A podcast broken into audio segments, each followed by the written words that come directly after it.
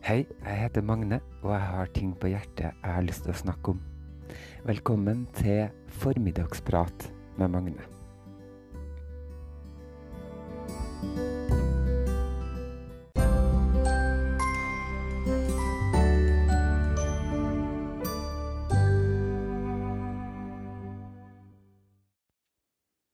Godt nyttår, folkens.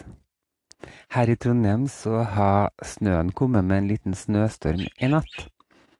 Men jeg må innrømme at jeg kjenner at jeg er mett av pepperkaker, julenisser, julemusikk og julestæsj. Sånn at uh, tanken min var å få den her julepynten som står sirlig plassert rundt omkring i leiligheten her, ned i kassene sine, og bort fra fra syn og sinn. Men når jeg da ser meg rundt på julepynten, så ser jeg jo alt det andre som ligger rundt, altså alt det rotet som har hopa seg opp, da.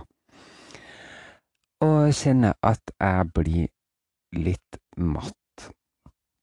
Jeg er en ganske rotete person, og øh, men jeg trives ikke så veldig godt med det når det blir sånn som det har blitt nå. Da. Det er altfor mye rot som ligger slengt overalt. Mm, og da blir med en gang den prokrastineringsgreia uh, uh, inni meg slått på på full styrke, og jeg blir trøtt og har bare lyst til å legge meg og sove. Men så må jeg si at håpets og inspirasjonens stråle i form av ei som heter Marie Kondo, dukka opp på Netflix i går. Det er altså en ryddeekspert fra Japan, en nydelig, søt lita dame, som har et eh, ryddeprogram.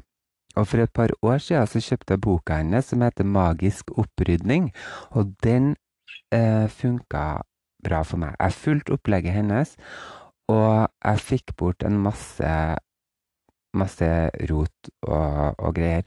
Og det er fremdeles lettere for meg nå å rydde og få det sånn noenlunde i, i orden, da. På grunn av det. Men nå eh, kjenner jeg at jeg er tilbake litt til gamle synder igjen, da. Og det har hopa seg opp litt eh, greier i løpet av de årene siden jeg gjorde den der ryddeprosessen. Eh, men nå ble jeg inspirert igjen, da, av Marie Kondo og tenkte at kanskje skal jeg starte på scratch igjen. Men så slår jo prokrastineringen inn i, igjen, da. Og jeg har bare lyst til å sove. Jeg ble så trøtt jeg nå. Jeg ble det. Men eh, skal vi se. Kanskje vi, kanskje vi får det til. Noen ganger må man bare sette den ene foten foran den andre, og så bare uh, begynner å bevege på seg, så skjer det kanskje ting etter hvert. da. Jeg liker veldig godt grunnholdninga til, til Marie Kondo, som jeg vil si er takknemlighet.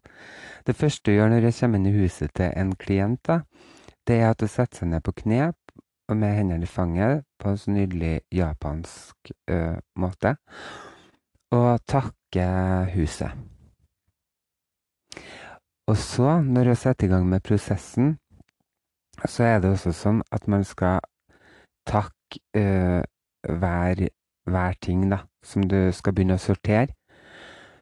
Og hvis du skal kaste eller gi det bort, f.eks., så skal du takke deg for at det har vært i, i livet ditt. Og når du da har funnet de tingene som du vil ta vare på, skal du være takknemlig for at du har dem. Du skal behandle dem pent, legge dem der de hører hjemme, og, og være glad i, i de tingene du har, da. Det syns jeg er ganske, ganske nydelig. Så øh, nå så har jeg altså sittet og binge-watcha øh, hun godeste Marie Kondo, da, og tenker at yes, nå, nå kan jeg, kan jeg sette i gang. Hun deler det opp i, i, flere steg, kanskje det er fem steg eller noe sånt. Du skal begynne med klær, og så skal du bare finne alle klærne du har i hele huset, legge dem i en stor dunge, og så skal du begynne prosessen. Ta opp ett og ett plagg, hold det inntil brystet, Og så skal du kjenne etter om det gir deg en ring, sånn glad følelse. Um, og uh, ja, og da tar du vare på det plagget. Hvis du ikke kjenner det, så sier du takk og farvel, og legg det i en uh, kurv som du enten gir bort da, eller kaster. Og når du har fått gjennomført uh, det der da på, i alle stegene med alle tingene i huset, du skal avslutte med sentimentale ting, da. For det er gjerne sånn som kan ta, ta litt tid. Det er de brevene du stopper opp med, ikke sant, og, og får lyst til å lese på nytt igjen.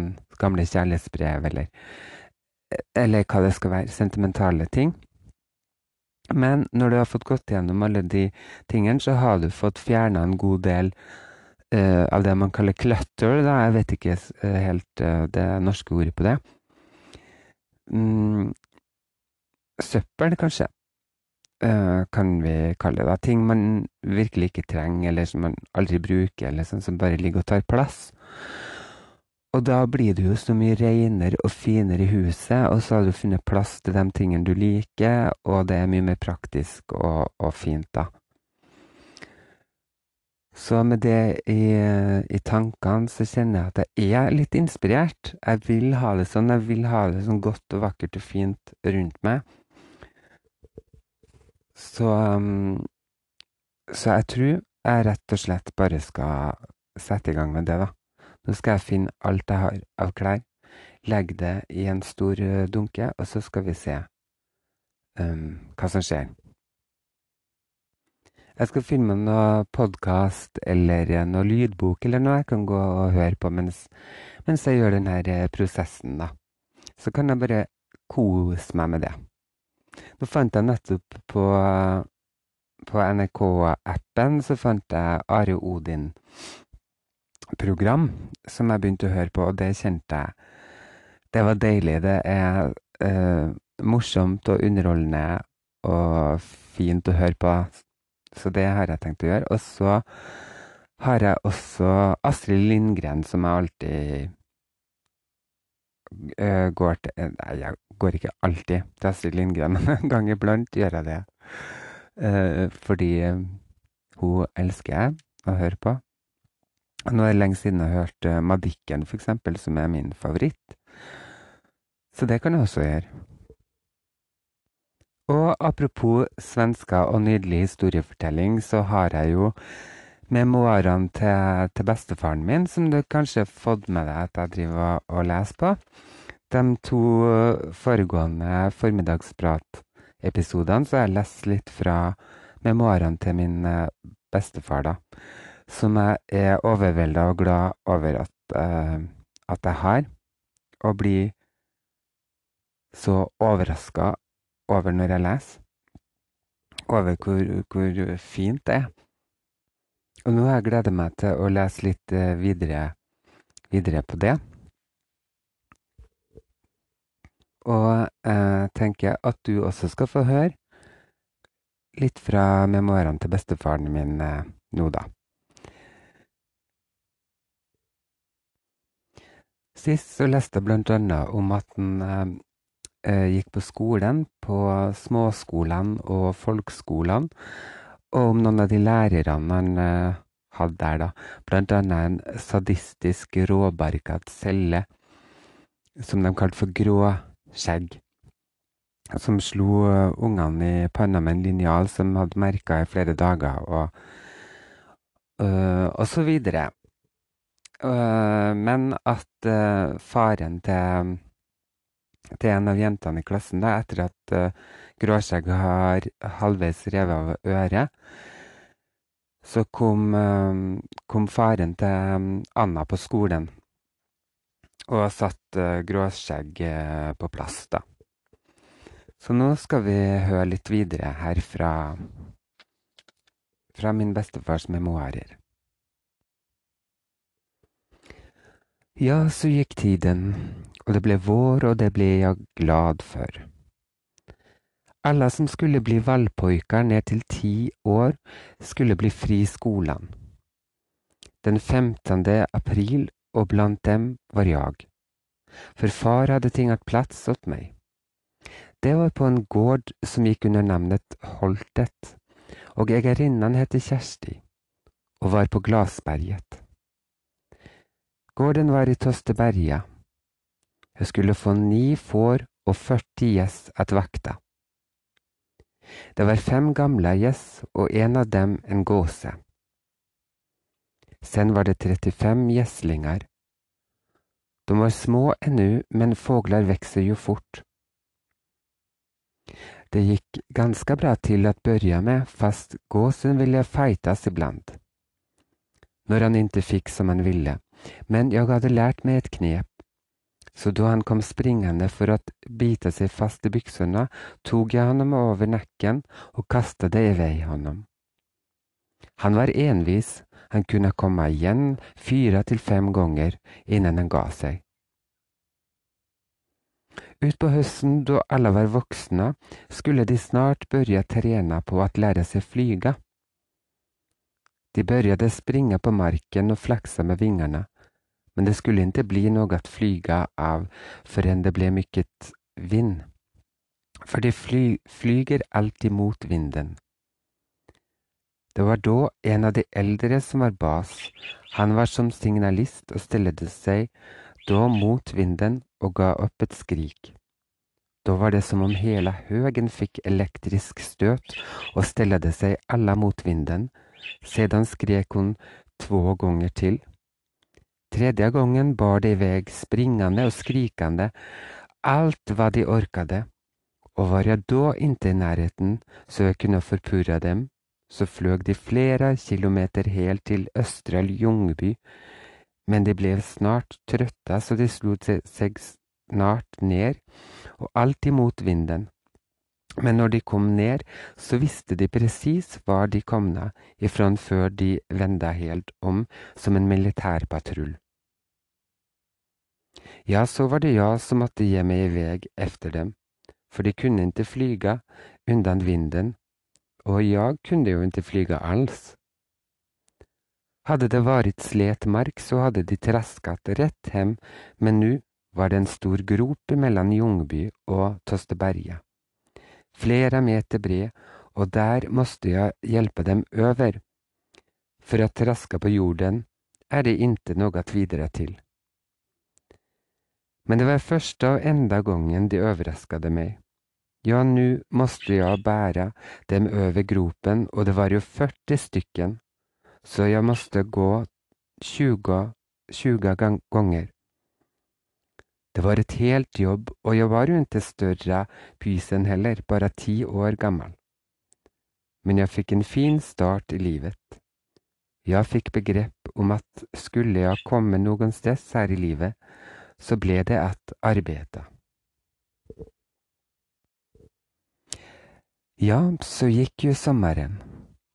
Några nöjen hadde vi ikke, utan som vi själva gjorde oss. Det var en tøs som tjenade på en eh, nabogård. Hun hette Alna Bjørk. Hun tok meg med iblant til en plats som kallades for Gatan, der vi dansade til munnspill og lekte ringlekar. Noen biograf fantes ikke på den tiden. Årtallet var 1900.